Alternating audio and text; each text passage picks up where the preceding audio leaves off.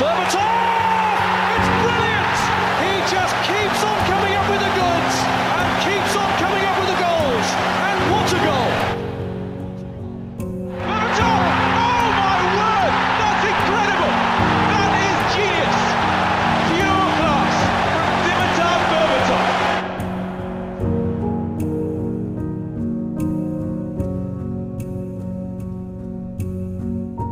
Są tacy zawodnicy w historii futbolu, którzy mimo niepodważalnej boiskowej klasy nigdy nie mieli szczęścia zabłysnąć na dużej imprezie ze swoją reprezentacją.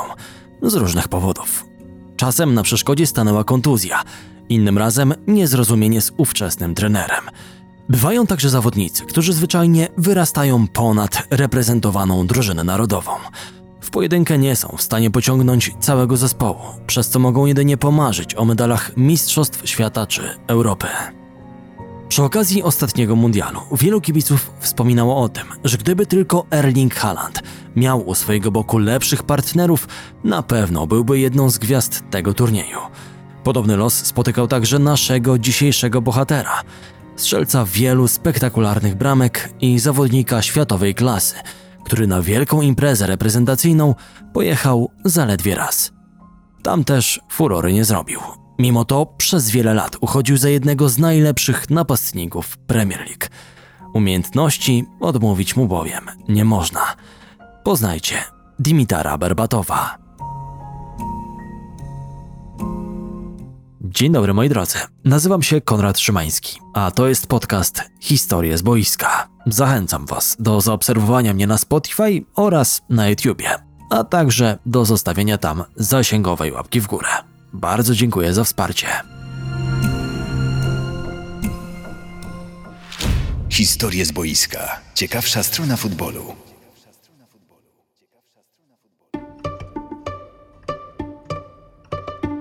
Często wyglądał na ospałego, rozleniwionego. Nie można go było posądzić o walkę do upadłego i zaangażowanie w grę defensywną. Kiedy jednak miał futbolówkę przy nodze, doskonale wiedział, co z nią zrobić. Nie popisywał się niepotrzebnymi zagraniami. Nie grał pod publiczkę. Charakteryzował się bardzo inteligentnym stylem gry. Wiedział, jak uderzyć piłkę i znaleźć się w dogodnej sytuacji strzeleckiej. Dlatego też, bez względu na widoczne gołym okiem mankamenty, był ceniony zarówno przez kibiców, jak i kolejnych trenerów. On zresztą grzecznie odpowiadał na te zarzuty dotyczące jego stylu gry i prosił, by nie mylić boiskowego opanowania z lenistwem. Przekonywał, że w przeciwieństwie do wielu rozemocjonowanych zawodników potrafi zachować zawsze zimną głowę i dzięki temu wybrać najlepsze możliwe rozwiązanie. Urodził się 30 stycznia 1981 roku w Błagojewgradzie, małym, bo liczącym blisko 7 tysięcy mieszkańców, uzdrowiskowym miasteczku w południowo-zachodniej Bułgarii. Jego dzieciństwo przypadło na szare lata komuny. Przepełniała je swego rodzaju rutyna. Wstawał codziennie o 6 rano, by ustawić się w długiej kolejce po chleb. Następnie szkoła i gra w piłkę. Życie tu nie należało do łatwych. Rodzinie brakowało pieniędzy. Okolica raczej nie z tych najbezpieczniejszych. Często jedynym argumentem był argument siły. Szemrane interesy i nieciekawe typy w skórach lub dresach i z łańcuchami. Wychowany w takim towarzystwie, Dimitar wiedział, że od najmłodszych lat ważna była reputacja. W wywiadzie udzielonym na łamach ESPN w 2017 roku wspominał – Moi przyjaciele grali w innych drużynach z innych wieżowców z wielkiej betonowej płyty. Zawsze, kiedy mnie widzieli, mówili: Idzie Berba ze swoim zespołem. Musimy się przygotować. Graliśmy po sześciu. Lubię tak grać do tej pory. Miałem reputację i wiarygodność na ulicy. Niczym dealer narkotykowy. Do szkoły chodziłem wyprostowany, z wypiętą klatką piersiową. Dorastał w rodzinie ze sportowymi tradycjami. Smykałkę do futbolu odziedziczył po ojcu, który także grał w piłkę w Pilinie i CSK Sofia. Mała piłkarza trenowała z kolei zawodowo piłkę ręczną. Można powiedzieć, że z zamiłowaniem do sportu po prostu się urodził. Mały Dimitar spędzał godziny pod okiem czujnego taty z piłką przy nodze, by nauczyć się panowania nad nią. Od najmłodszych lat trenował również ze starszymi zawodnikami. To pozwoliło mu zahartować się i nauczyć podejmować najlepsze boiskowe decyzje w jak najkrótszym czasie. Z powodzeniem występował w juniorskich drużynach lokalnego zespołu Pirin Błagojewgrad. Kiedy koledzy wyciągali go na imprezy, ten konsekwentnie odmawiał. Wiedział, że jeśli chce do czegoś dojść, nic nie może go rozpraszać. Takie wartości wpoił mu ojciec i kurczowo się ich trzymał. Obraz idealnego ojca, o którym Berbatow zawsze ciepło wypowiadał się w wywiadach, został zachwiany dopiero po latach. Dziennikarze odkryli mroczny sekret skrywany w rodzinie Dimitara. Okazało się, że gdy przyszły piłkarz był w wieku niemowlęcym, jego tata wraz z kolegami z drużyny Pirinu odsiadywał dwuletni wyrok więzienia. Iwan Berbatow miał wraz z innymi zawodnikami dopuścić się gwałtu na poznanej 34-letniej Norweżce. Mężczyźni przekonywali później przed sądem, że zapłacili kobiecie za tę usługę, lecz nikt nie dał wiary tym zapewnieniom. Dimitar miał jednak poukładane w głowie i jasno sprecyzowane cele. Nie interesowały go hulanki, daleki był od rozrywkowego stylu życia. Chłonny, walienowany i nieco wycofany, pozostał przez całą swoją karierę. Niektórzy śmiali się, że nawet jeśli w klubowej stołówce znalazłaby się oprócz niego jedna osoba, to z pewnością Berbatow nie przysiądzie się do niej bez specjalnego zaproszenia. Znając jego charakter, zakotwiczy się gdzieś z boku, by skonsumować posiłek w samotności. Bardzo szybko okazało się, że młodziutki zawodnik przewyższa kolegów pod względem piłkarskim. Wokół jego osoby robiło się coraz głośniej. Inne kluby miały chrapkę na pozyskanie uzdolnionego młodziana. Niektórzy próbowali tego dokonać za pomocą niezbyt pochlebnych środków. Jeden z lokalnych gangsterów chciał wymusić transfer na Dimitarze. Kiedy ten odmówił, nasłał pewnego dnia swoich umieśnionych oprychów, którzy mieli wpakować przerażonego nastolatka do samochodu. To miał być sposób na przekonanie napastnika do zmiany decyzji. Na szczęście skończyło się tylko na strachu, a piłkarz został ostatecznie uwolniony dzięki interwencji ojca. Nie trzeba chyba dodawać, że do żadnego transferu nie doszło. W wywiadzie udzielonym dla Forfortu w 2018 roku tak wspominał tę sytuację. To było takie połowiczne porwanie. Byłem bardzo młody i przerażony. Było bardzo późno, zabrali mnie w jakieś nieznane mi miejsce. Nie wiedziałem zupełnie, gdzie jestem. Jeden z największych ówczesnych mafiozów w Bułgarii chciał, żebym podpisał kontrakt z pewnym klubem. Było dużo krzyku, przekleństw i telefonów. Cały czas myślałem tylko, co się do cholery dzieje. Na szczęście udało mi się uwolnić. Berbatow trafił ostatecznie do młodzieżowej drużyny CSK Sofia. Wybór ten wydawał się idealny. 17-letni zawodnik dorastał z przeświadczeniem, że w całej Bułgarii liczy się tylko jeden klub. Miłość do CSK kiełkowała w nim od najmłodszych lat. Trenował pod czujnym okiem legendarnego Dimitara Penewa, jednego z najlepszych obrońców i szkoleniowców bułgarskiego futbolu. Jako zawodnik Penew brał udział w trzech turniejach Mistrzostw Świata w 1966, 70 i 74 roku. Będąc selekcjonerem, dotarł z Bułgarią do półfinału mundialu w 1994 roku, gdzie ostatecznie zajął historyczne czwarte miejsce. Pod skrzydłami tak utytułowanego i doświadczonego szkoleniowca młodszy imiennik miał wskoczyć na najwyższy możliwy poziom. Początki w Akademii ukochanego klubu nie były jednak usłane różami. Młodym piłkarzom marzącym o profesjonalnej karierze było bardzo ciężko. Warunki do treningów zupełnie inne niż te, do których byli przyzwyczajeni ich rówieśnicy na zachodzie. Pieniędzy brakowało nawet na podstawowe potrzeby. Berbatow tak wspominał tamten trudny i zarazem niezwykle pouczający okres swojego życia. Czasami, kiedy chcieliśmy pójść do kawiarni, prosiliśmy starszych zawodników, by za nas zapłacili. Młodzi zawodnicy mieszkali razem. Rodziny przesyłały nam paczki z jedzeniem. Kiedy zjadłeś już wszystko, gromadziłeś resztki i okruchy, by zrobić z tego później jakiś posiłek. Czasami brakowało wody, więc piło się wodę z ogórków. Była słona, ale coś trzeba było pić. Kiedy wracam myślami do tamtych chwil i uświadamiam sobie, jak bywało ciężko, myślę, że dobrze mieć w pamięci cały ten shit. To bowiem uczyniło mnie silnym. Bułgar od początku stawiał sobie poprzeczkę bardzo wysoko. Przeżywał każdy mecz, w którym nie mógł wystąpić. Za wszelką cenę chciał grać i wspomagać swoich kolegów. W jego przypadku miłość do CSKA to nie były jedynie puste słowa. Pierwszy profesjonalny kontrakt z klubem podpisał w sezonie 98-99 w wieku 18 lat. W tym samym sezonie wywalczył z drużyną Puchar Bułgarii. Rok później zadebiutował w futbolu na poziomie europejskim. Było to w meczach pierwszej rundy kwalifikacji Pucharu UEFA przeciwko Newcastle United. Bułgarzy zremisowali z wyżej notowanym rywalem w drugim meczu 2 do 2. Jednak kluczowy okazał się wynik pierwszego spotkania. Sroki pokonały wówczas CSK 2 do 0. Młody napastnik szybko udowodnił, że potrafi strzelać gole. W 49 spotkaniach zdobył 26 bramek i z miejsca stał się wiodącą postacią swojego zespołu.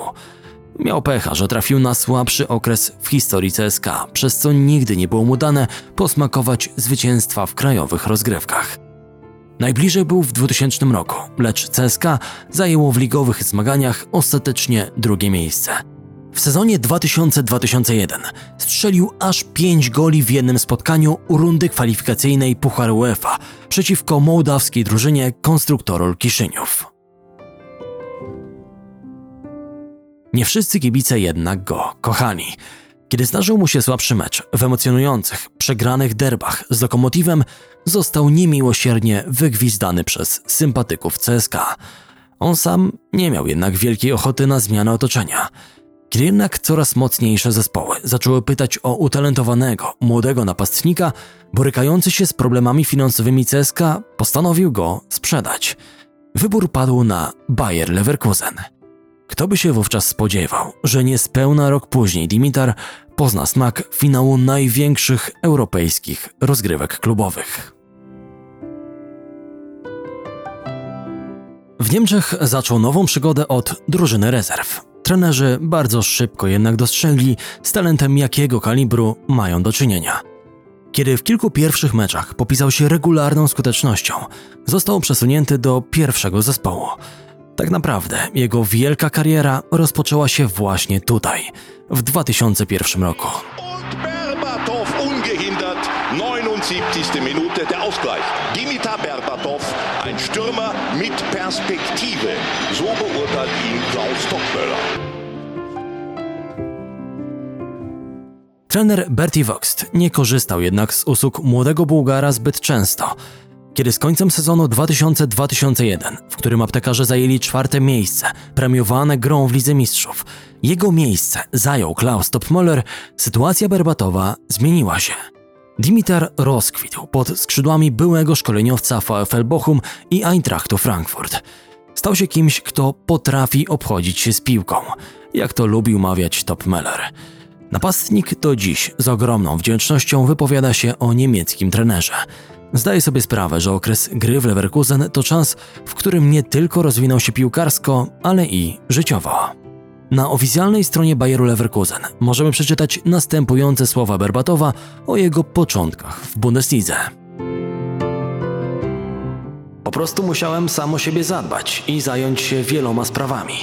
Jednak tylko w ten sposób możesz dorosnąć. Był to niezwykle istotny czas dla mojego rozwoju. Przyjechałem do Leverkusen jako chłopiec i tu stałem się mężczyzną. Do tej pory jestem związany z tym miastem i czuję, że jest tu mój dom.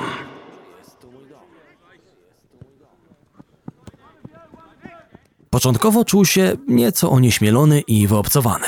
Nie wiedział, jak złapać kontakt z takimi zawodnikami jak Roberto, Michael Balak czy Ulf Kirsten. Obserwował ich uważnie podczas treningów i starał się grać jak najlepiej. To wystarczyło, by szybko przekonać do siebie nowych kolegów. Sezon 2001-2002 był zdecydowanie najlepszy dla Limitera, jak i dla klubu w całej pięcioletniej przygodzie Bułgara z Bayerem Leverkusen.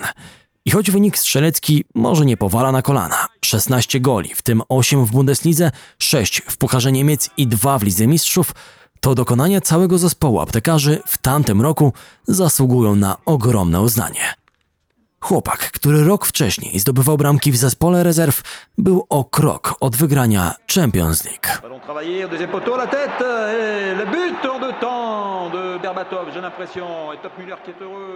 Allemands- Berbatow przywitał się z Ligą Mistrzów jednym trafieniem w fazie grupowej, w przegranym meczu z Olympique Lyon na własnym terenie.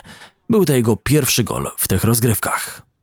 Zdecydowanie mocniej musiał utkwić mu w pamięci jednak drugi gol, którego udało mu się strzelić kilka miesięcy później. W ćwierćfinale los skrzyżował Bayer Leverkusen i Liverpool. Jak miało się okazać, zawodnicy Klausa Topmüllera mieli w tamtym czasie patent na angielskie zespoły, które stanęły im na drodze. I choć w grupie remisowali i przegrywali z Arsenalem, to ostatecznie oni, a nie kanonierzy, cieszyli się z awansu. W pierwszym meczu The pokonali Niemców na Anfield 1 do 0 po golu strzelonym przez kapitana angielskiego zespołu, fińskiego obrońcę Samiego Hyppie. Piłkarze Gerarda Huliera jechali więc do Niemiec w dobrych nastrojach.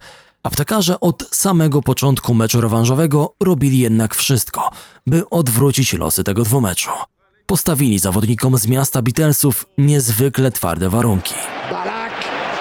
Balak peut-être la frappe avec Oh la frappe Michel Balak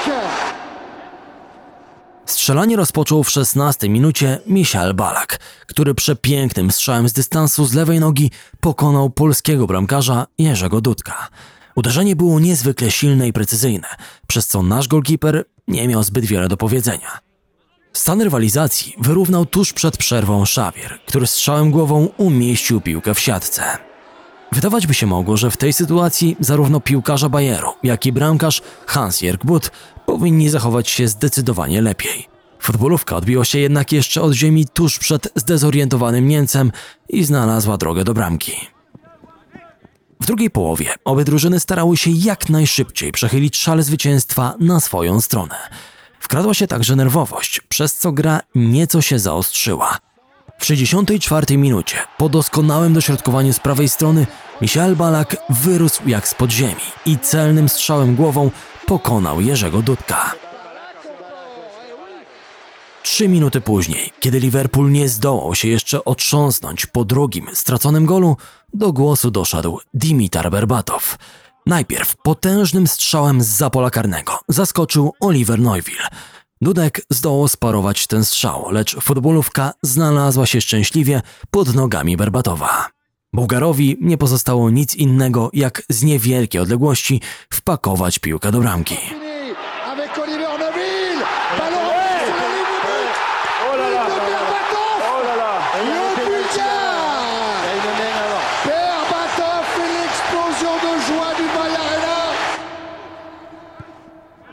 Było to niezwykle ważne trafienie, ponieważ pozwoliło Bayerowi wrócić do gry. Wynik 3 do 1 nie oznaczał jednak, że zawodnicy z Leverkusen byli bezpieczni. Jedna bramka zmieniała stan rywalizacji. Darec wiedzieli o tym doskonale i po indywidualnej akcji Litmanena strzelili drugiego gola. Na szczęście dla podopiecznych Topmüllera tuż przed końcem spotkania obrońca Lucio posłał piłkę mocnym uderzeniem po ziemi między nogami bramkarza i zapewnił drużynie awans do półfinału.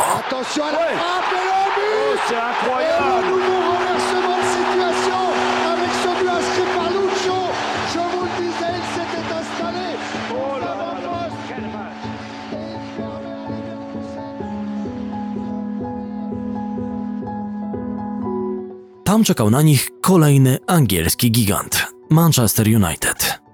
Żadna z drużyn nie potrafiła pokonać rywala w tym dwumeczu. Niemcy okazali się jednak skuteczniejsi na wyjeździe, przez co po dwóch remisach 2 do 2 i 1 do 1 awansowali do wielkiego finału. Finału, który przeszedł do historii za sprawą niesamowitego trafienia Zinedina Zidana. Na Hampden Park Glasgow 15 maja 2002 roku w finale Ligi Mistrzów spotkały się Bayer Leverkusen i Real Madryt. Faworytami byli królewscy, którzy mieli w składzie tak znakomitych zawodników jak Figo, Zidane, Carlos Makelele, Raul czy Fernando Morientes. Po drodze eliminowali FC Barcelonę i Bayern Monachium. Zawodnicy Bayeru nie mieli nic do stracenia. Wicemistrzowie Niemiec i finaliści Krajowego Pucharu stali przed niepowtarzalną okazją, by zakończyć sezon z najważniejszym klubowym trofeum.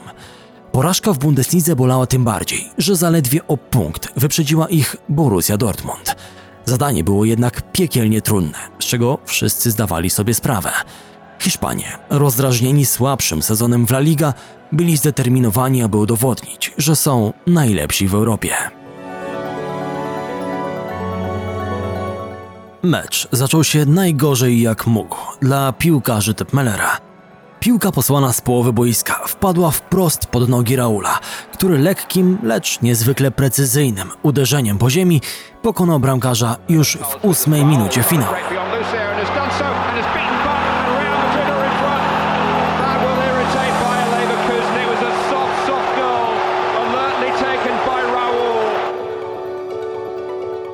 Sześć minut później Bayer wyrównał. Gola strzelił ten sam człowiek, który zapewnił awans aptekarzom w starciu ćwierćfinałowym z Liverpoolem.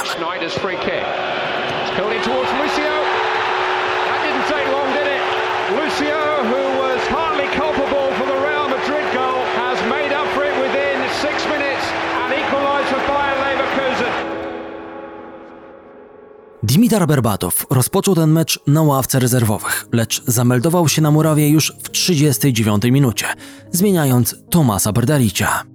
Kiedy wszystko wskazywało na to, że piłkarze obu drużyn będą schodzić do szatni przy wyniku 1 do 1, w 45 minucie zdarzyło się coś, co już na zawsze przeszło do historii futbolu.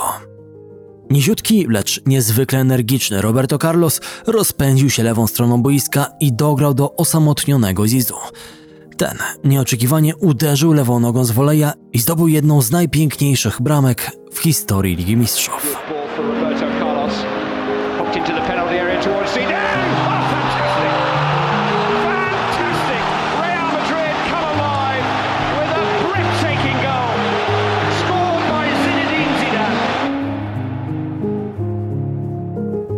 Bayer dwoił się i troił, by odmienić stan rywalizacji w drugiej odsłonie. Szczęście należało jednak do królewskich. Nie pomogła nawet zmiana bramkarza w 68 minucie finału, kiedy to kontuzjowanego Cezara Sancheza zastąpił Iker Casillas. Młody Hiszpan godnie zastąpił swojego rywala między słupkami i kilkukrotnie uchronił Real od utraty bramki. Dimitar tak po latach wspominał tamte wydarzenia. To był dość bolesny moment w mojej karierze, ale ten gol był po prostu niewiarygodny. Byłem tuż za plecami Zizu i myślałem jedynie coś w stylu proszę, tylko nie to, nie rób tego. Czasami czujesz, że zaraz padnie gol. Ja sam też byłem bliski strzelenia. Mieliśmy szansę ich pokonać. Byliśmy jednak małą drużyną, grającą przeciwko prawdziwym gigantom i zasłużyliśmy wtedy na porażkę. I choć apetyt zawsze rośnie w miarę jedzenia, to należy przyznać, że osiągnięcia Bayeru Leverkusen w sezonie 2001-2002 były naprawdę wyśmienite. Wicemistrzostwo Niemiec, finał Krajowego Pucharu i wreszcie finał Ligi Mistrzów to rezultaty, o których fani zespołu z Bayereny mogą dziś jedynie pomarzyć. Kolejne sezony nie były już tak kolorowe. W 2003 roku, po zakończeniu kariery przez Ulfa Kirstena, Berbatow przejął po nim numer 9 na koszulce. Był wiodącą postacią zespołu. Potrafił strzelić po 20 bramek w sezonie, jednak nie przekładało się to na sukces drużyny. W pamięci kibiców pozostały jednak jego cudowne bramki, jak te zdobyte w sezonie 2004-2005 przeciwko odwiecznym rywalom z Bayernu Monachium. Aptekarze wygrali aż 4 do 1, a przy drugim trafieniu Bułgar popisał się niesamowitą techniką, przepięknie gasząc dość trudną piłkę mimo towarzystwa obrońców w polu karnym Bawarczyków. Polscy kibice z nostalgią mogą wspominać ten sezon także z innego powodu. W jednej ósmej finału Liverpool ponownie spotkał się z Bayerem Leverkusen w Lidze Mistrzów. W drużynie aptekarzy występował wówczas reprezentant Polski Jacek Krzynówek słynący z piekielnie silnego uderzenia lewą nogą, pokonał nawet Jerzego Dudka. Jacek Krasnowik would ensure there would be a repeat of the scoreline from Anfield with his late goal. Liverpool walked on 6-2 on aggregate. Jednak to piłkarze Rafa Beniteza byli zdecydowanie lepsi w całym dwumeczu i wyeliminowali Bayer. Sam Berbatow również cenił naszego zawodnika. W wywiadzie udzielonym dla The Athletic w 2019 roku powiedział Najlepszy lewonożny piłkarz? Ryan Giggs albo Roberto Carlos. Muszę jednak wspomnieć o polskim facecie, z którym grałem w Bajerze, czyli Jacku Krzynówku. Ten gość potrafił lewą nogą zmasakrować piłkę. To był nieśmiały chłopak, tak jak ja, ale jego lewa noga to była prawdziwa bomba. Osobnym rozdziałem w karierze Berbatowa była reprezentacja Bułgarii, w której zadebiutował pod koniec 1999 roku. Z czasem stał się nie tylko najbardziej rozpoznawalnym piłkarzem w całej Bułgarii, ale i jej kapitanem oraz liderem. Niestety, poziom sportowy pozostałych zawodników sprawiał, że o wielkich imprezach z udziałem reprezentacji mógł jedynie pomarzyć. Udało się to tylko raz, kiedy to Bułgarzy zakwalifikowali się na Euro 2004 w Portugalii. Tam jednak furory nie zrobili. Z zerowym dorobkiem punktowym zajęli ostatnie miejsce w grupie i bardzo szybko pożegnali się z turniejem.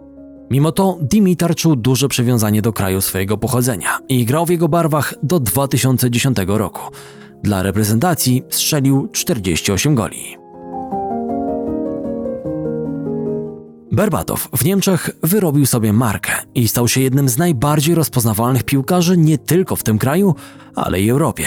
W maju 2006 roku, po pięcioipółletniej przygodzie z Bundesligą, postanowił spróbować swoich sił w Premier League. Historie z boiska. Ciekawsza strona futbolu. Odchodził jako ceniony napastnik z dorobkiem 91 bramek w 202 meczach.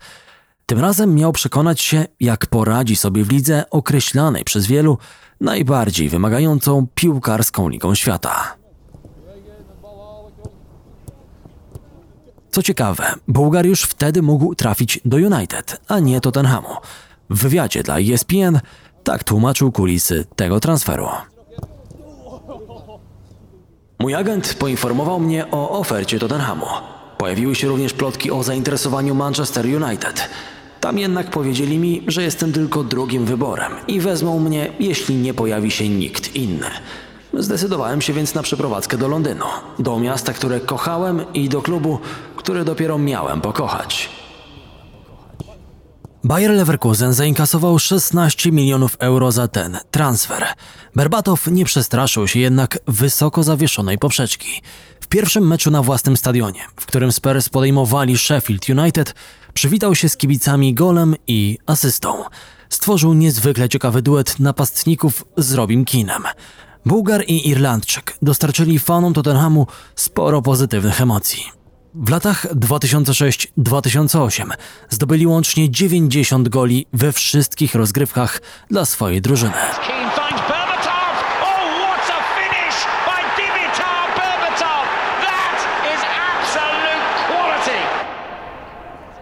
Berbatow tak opowiadał o ich współpracy. Nasze relacje były więcej niż dobre. To było najlepsze partnerstwo. Świetnie się rozumieliśmy. Nie naciskał, kiedy się nie odzywałem. Szanował to, jaki jestem. Robi był pełen pasji i cały czas biegał. Bardzo dobrze się uzupełnialiśmy i zdobyliśmy wiele pięknych bramek. Pierwszy sezon na angielskich boiskach zakończył się dla Berbatowa całkiem przyzwoicie. Tottenham zajął piąte miejsce w ligowej tabeli, a on sam z dwunastoma trafieniami na koncie był najlepszym strzelcem nowego zespołu. Trafił również w rozgrywkach o Puchar UEFA. Siedem goli strzelonych takim drużynom jak Besiktas, Braga czy dawnym kolegom z Leverkusen pozwolił klubowi z północnej części Londynu dotrzeć do ćwierćfinału. Tam Tottenham musiał uznać wyższość triumfatora całych rozgrywek Sewilli. Wszyscy byli jednak zgodni, że transfer Bułgara na White Hart Lane był strzałem w dziesiątkę. Spurs in the mood here.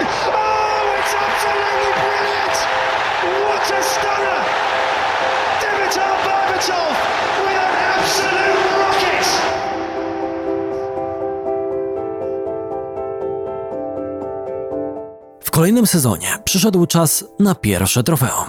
Koguty pod wodzą trenera Juan Ramosa sięgnęli po Puchar Ligi Angielskiej.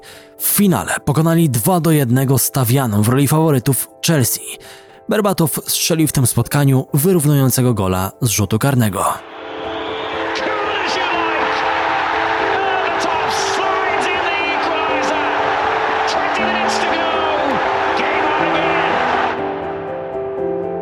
Obserwując tę jedenastkę po latach, można odnieść wrażenie, że Berbatow miał wtedy nerwy ze stali.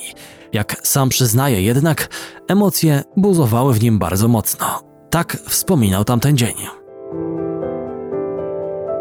To było cholernie trudne. Miałem wykonać rzut karny przed 90-tysięcznym tłumem, gdy naprzeciw mnie stał Petr Czech. Zdawałem sobie sprawę, jak ważna była to chwila dla kibiców Spurs. To był prawdopodobnie punkt zwrotny całego finału, w którym to Chelsea była przecież faworytem. Starałem się nie okazywać żadnych emocji, ale w środku byłem bardzo zdenerwowany.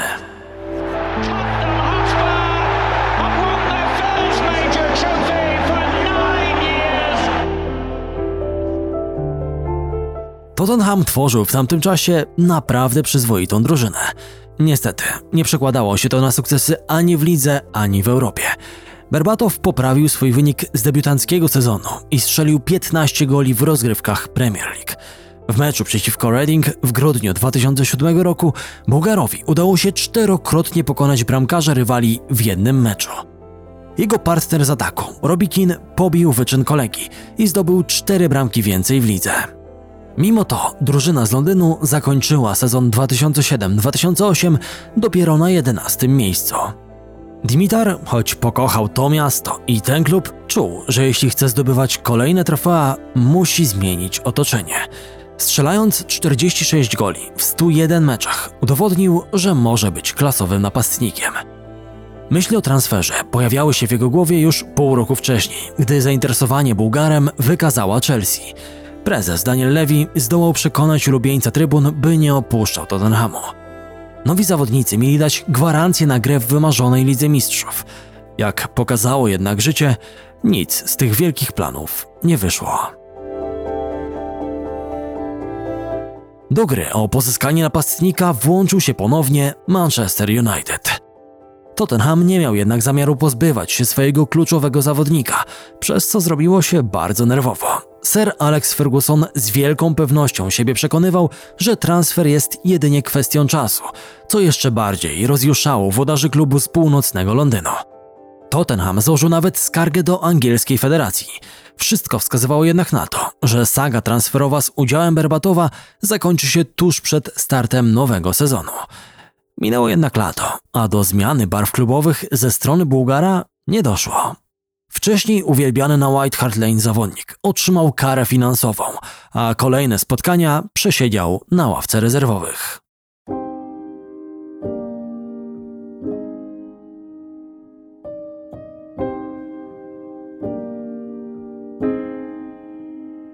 Sytuacja stała się toksyczna dla każdej ze stron. Odejście bułgarskiego napastnika było jedynym sensownym rozwiązaniem. Ostatecznie, tuż przed końcem okienka, Dimitar został nowym piłkarzem Manchester United. Jak miało się okazać, była to dobra decyzja dla Berbatowa, biorąc pod uwagę aspekt sportowy. O pozyskanie Bułgara starał się także Manchester City. Berbatow był jednak zdecydowany na to, by reprezentować czerwoną część miasta – Gra pod skrzydłami Sir Alexa Fergusona z takimi zawodnikami jak Ferdinand, Giggs, Scholes, Rooney czy Cristiano Ronaldo była spełnieniem jego piłkarskich marzeń. Niemal 31 milionów funtów zapłaconych kogutom załatwiło sprawę przenosin. Przygoda Dimitara Berbatowa na Old Trafford trwała dość długo, bo do końca sierpnia 2013 roku. Były zawodnik Tottenhamu bardzo szybko przekonał się, że zmiana barw klubowych wyjdzie mu na dobre, choć trafił na wymagającą konkurencję. Tevez, Ronaldo i Rooney błyszczeli w barwach Czerwonych Diabłów i żaden z nich nie zamierzał oddać składu za darmo. W 2009 roku Berbatow sięgnął po pierwsze upragnione mistrzostwo. Wyczyn ten powtórzył z kolegami w roku 2011, a on sam dołożył do tego koronę króla strzelców Premier League. W meczu przeciwko Blackburn, który Czerwone Diabły wygrały 7 do 1, zdobył aż 5 bramek w jednym spotkaniu. Oh,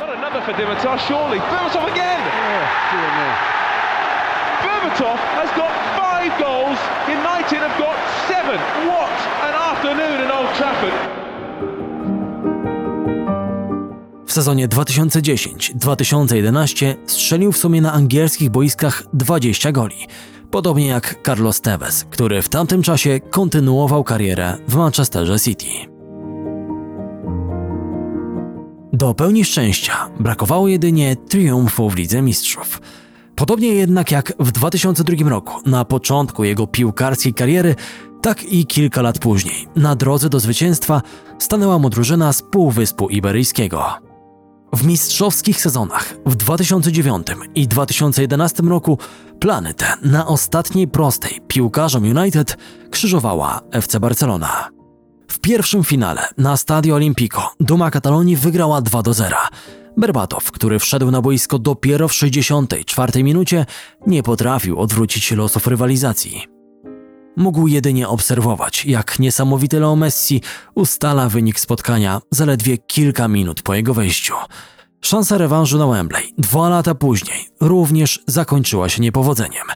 Blaugrana wygrała 3 do 1, a Bułgara zabrakło nawet na ławce rezerwowych. Jego dni na Old Trafford były policzone. Po latach Ferguson przyznał, że żałował tej decyzji. Sam zawodnik był wówczas wściekły, ale po zakończeniu kariery tak wspominał tamte wydarzenia. Niedługo przed meczem trener zadzwonił do mnie i powiedział: Berbs, to mnie zabija, ale muszę cię zostawić. To było bolesne, zwłaszcza, że byłem najlepszym strzelcem drużyny i całej ligi. Jednak kiedy dorastasz, zaczynasz widzieć rzeczy z innej perspektywy. Nadal uważam, że decyzja o pominięciu mnie była błędem, lecz Ferguson musiał dokonać wyboru. Może pewnego dnia, kiedy ja będę menedżerem, będę musiał zrobić dokładnie to samo komuś innemu. Mimo niepodważalnych sukcesów, pozycja Berbatowa słabła z sezonu na sezon.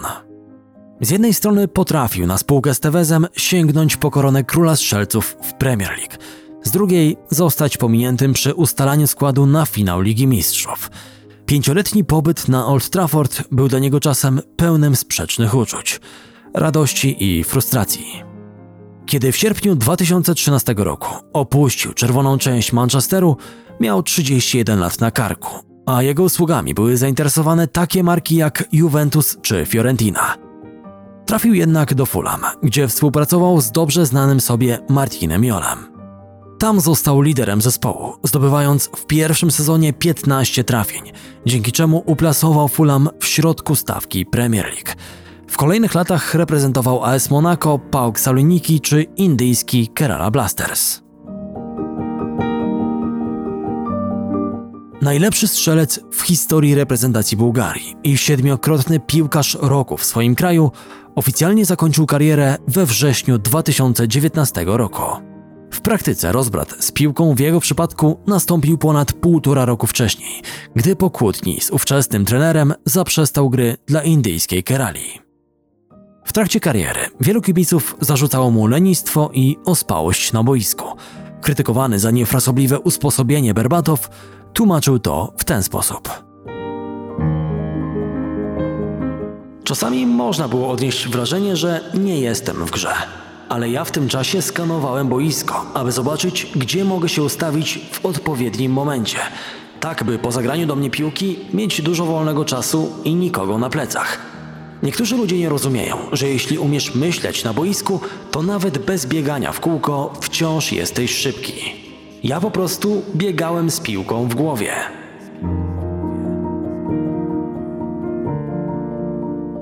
Wszelkie braki nadrabiał bajeczną techniką, czego dowodem są setki kompilacji z jego udziałem. Do dziś nazwisko Berbatow przywołuje fanom Premier League mnóstwo pięknych wspomnień. Trudno, żeby było inaczej, skoro w rodzimym plebiscycie na najlepszego piłkarza roku zdołał przebić nawet osiągnięcia Christo Stoiczkowa.